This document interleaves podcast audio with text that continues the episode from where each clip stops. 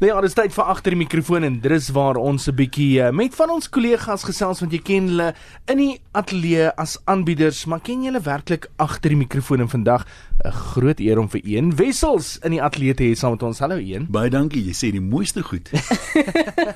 Was jy nog altyd die grapjas in die familie of in die vriendekring gewees? Wie op 'n manier, maar ek was op skool baie skamer as nou. Ek was 'n late blossomer of bloomer, ek weet nie wat mense dit noem nie. Maar uh, ek, ek komediant het eendag gesê mense wat ander mense laat lag was gewoonlik die lelike ouetjie op skool wat met niks goed was nie. Nou wil hy ook maatjies maak en nou vermaak hy maar grappies dat mense van hom kan hou. Dis min of meer ek. Nou, okay, een die is die vraag wat ek nou moet vra. Hoe het jy in die uitsaai wese beland? Dis 'n interessante storie. Weet jy toe ek op laerskool was, wou ek net 'n omroeper word. TV het toe net min of meer begin en jy was nog nie eens 'n vonkel in jou pa se oog nie, so lank terug was dit nou.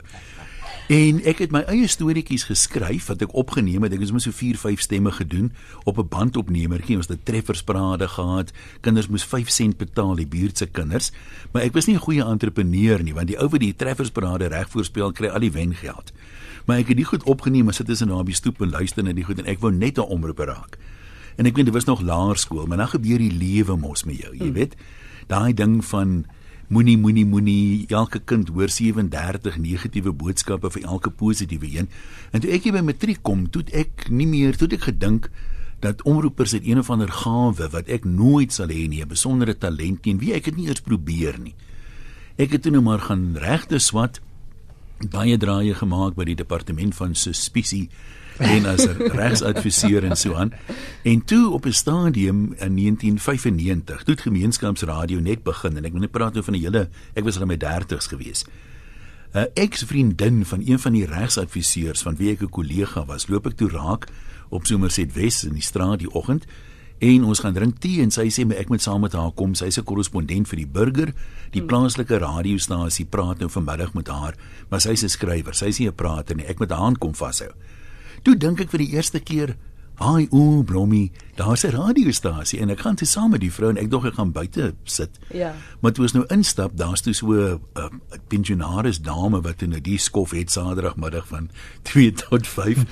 en um, ek gaan toe in saam met ehm um, die die vrou en die ons gesels 'n bietjie en speel 'n liedjie van Jethro Tull, ek belang.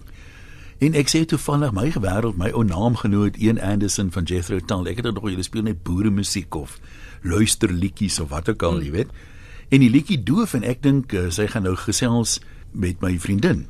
En die tannie begin nogals in die rooi taal. Sy sê vir my And with us we have Ian Wessels, who's a music fundi, and his illustrious career as a public prosecutor took him all over South Africa.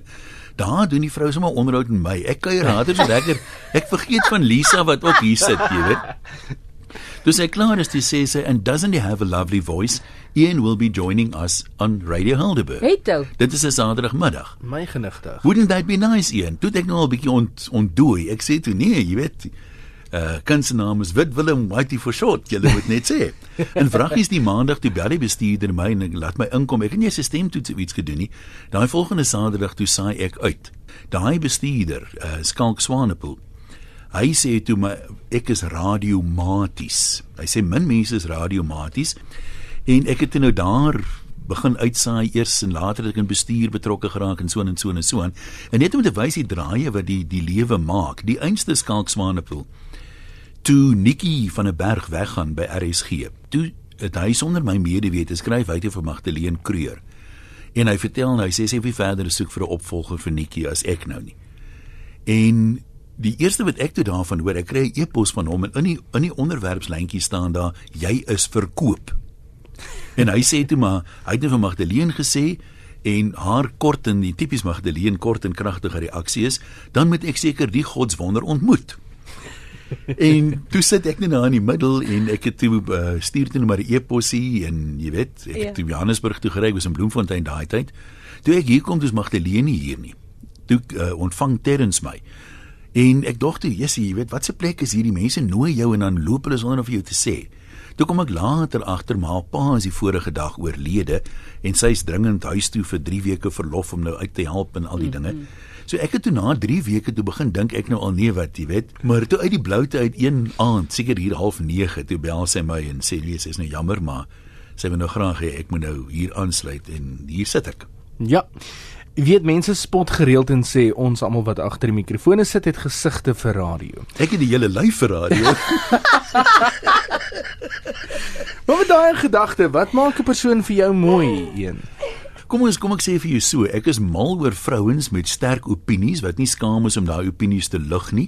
Vrouens wat hulle self is sonder aansittery en jy weet mense wat soos ek sê is wie hulle is. Ek is ek is ek is gebore met 'n haat vir pretensie. Aha. So iemand wat homself is of haarself is, ehm um, sal ek altyd by aanklank vind en iemand wat voorgee om iets te wees, dan kom die ou staatsaanklaer my na vore en wil ek daai persoon ontmasker. Is dit die tipiese krummels wat brood geword het? Daai tipe scenario? ding, daai tipe ding. Een ek wil nou weer teruggaan in die geskiedenis. Jou heel eerste werk. Kan jy onthou wat jy met jou eerste salaris gedoen het? Jong, kyk, ehm um, ek het ek het groot geword in die era van wine, women and song. en my eerste salaris uh, is 'n kombinasie van daai drie uitgegee. Hoor eens se gepraat daarvan die die wyn, die vrou, die lied gaan juis tydens op die water op die waterfees wees. Die wyn, die vrou, die lied en een se salaris is daai een. Daar sê dit was nie danig baie nie, maar ek meen ek moet dan ook by sê daai tyd, dit was op Stellenbosch gewees by uh, Tollies en die Dros wat nog bestaan het daai tyd kon 'n ou bier koop vir 50 sent en 'n bottel tas vir R2. Nee ja. Ja. genigtig. Hoe tyd nou verbygegaan het. Maar Stellenbosch is nog steeds goedkoop. Ek het studeer daar so 'n paar jaar gelede, so ek kan sê dit het seker nou met so R3 opgegaan, maar dis dis nog steeds aansienlik goedkoop vir En dit bly 'n bargain, studente. hè. Dan een op 'n belangriker en 'n Ja. meer ernstige noot. Wie inspireer jou? Wie jy, dis nog 'n interessante vraag. Ehm um, ek het begin toe ek nog loslip aangebied het. Toe ek begin wonder, ek het 'n tendens opgemerk. Mense kla al hoe meer. Toe begin wonder ek onder presies dieselfde omstandighede met dieselfde ekonomie en dieselfde regering, hoe kry party mense dit reg om positief te bly mm. en ander is net wanhoopig. En ek het toe redelik wyd begin oplees daaroor.